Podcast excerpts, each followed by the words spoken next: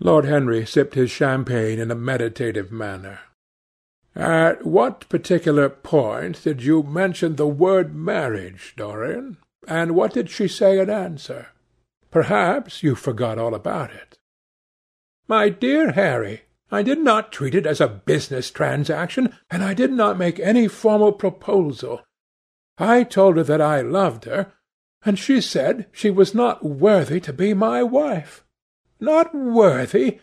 Why, the whole world is nothing to me compared with her." "Women are wonderfully practical," murmured Lord Henry. "Much more practical than we are. In situations of that kind we often forget to say anything about marriage, and they always remind us." Hallward laid his hand upon his arm. "Don't, Harry. You have annoyed Dorian. He is not like other men. He would never bring misery upon any one. His nature is too fine for that." Lord Henry looked across the table. "Dorian is never annoyed with me," he answered. "I ask the question for the best reason possible, for the only reason, indeed, that excuses one for asking the question simple curiosity. I have a theory that it is always the women who propose to us, and not we who propose to the women except, of course, in middle-class life.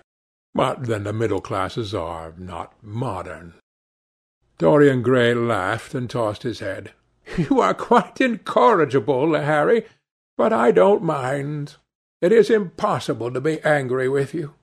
When you see Sibyl Vane, you will feel that a man who could wrong her would be a beast, a beast without a heart. I cannot understand how any one can wish to shame the thing he loves.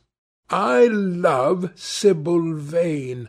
I want to place her on a pedestal of gold and to see the world worship the woman who is mine. What is marriage? An irrevocable vow. You mock at it for that. Ah, don't mock. It is an irrevocable vow that I want to take.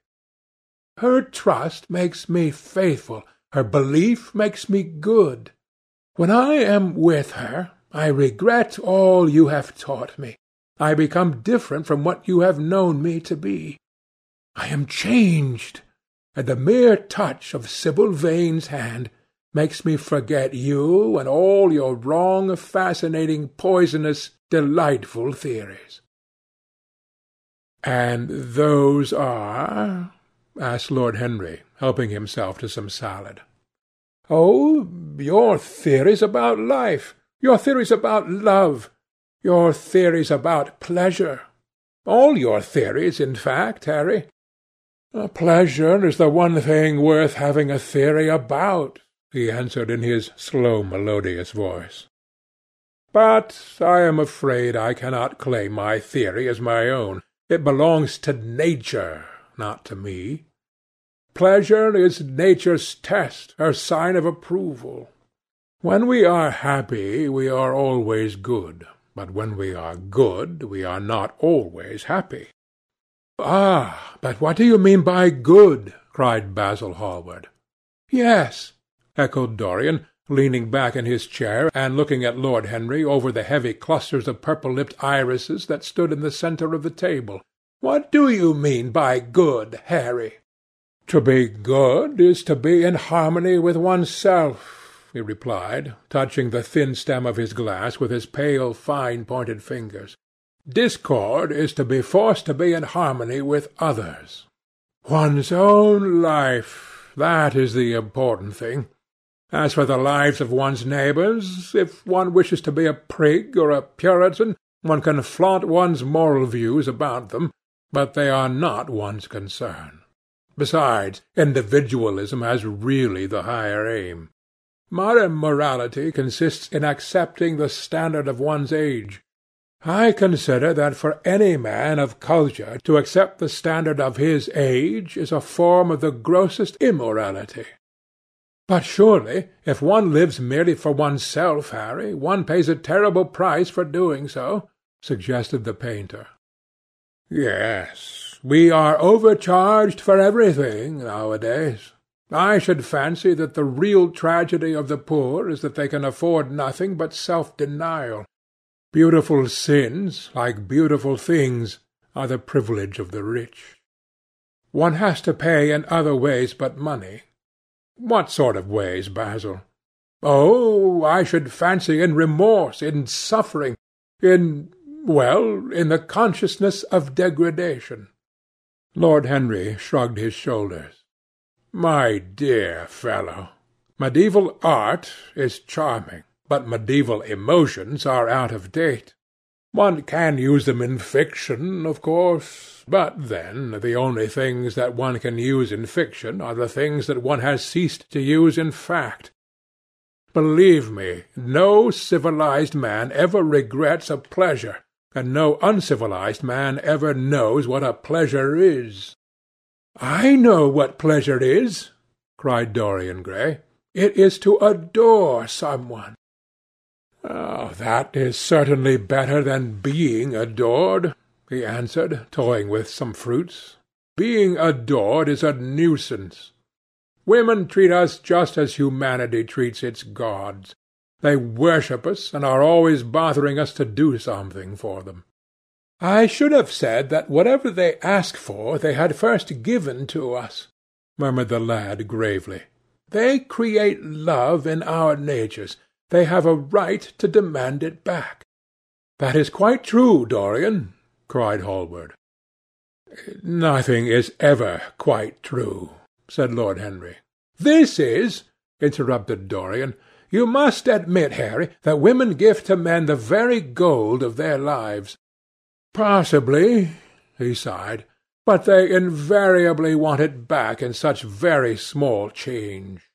That is the worry. Women, as some witty Frenchman once put it, inspire us with the desire to do masterpieces and always prevent us from carrying them out. Harry, you are dreadful. I don't know why I like you so much.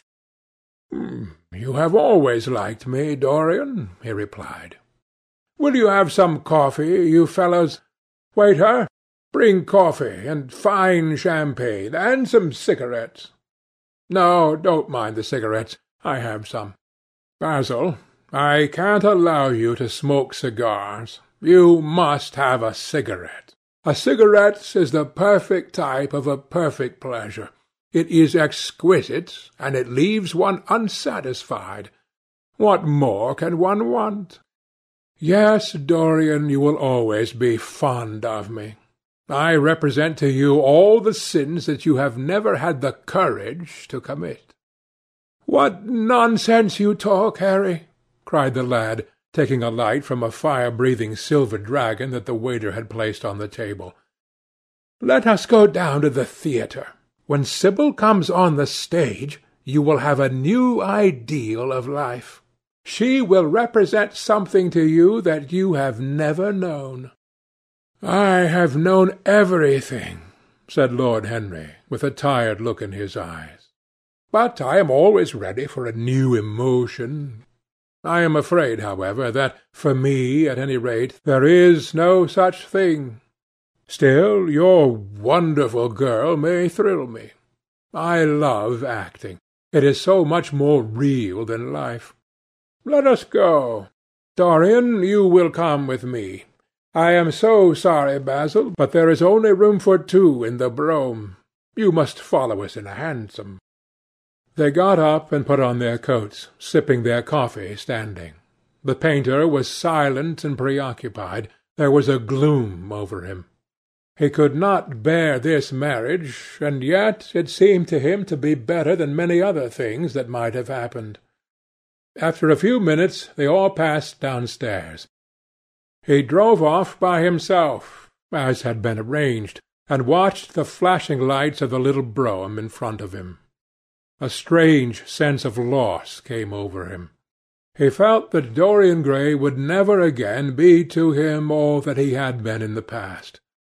Life had come between them.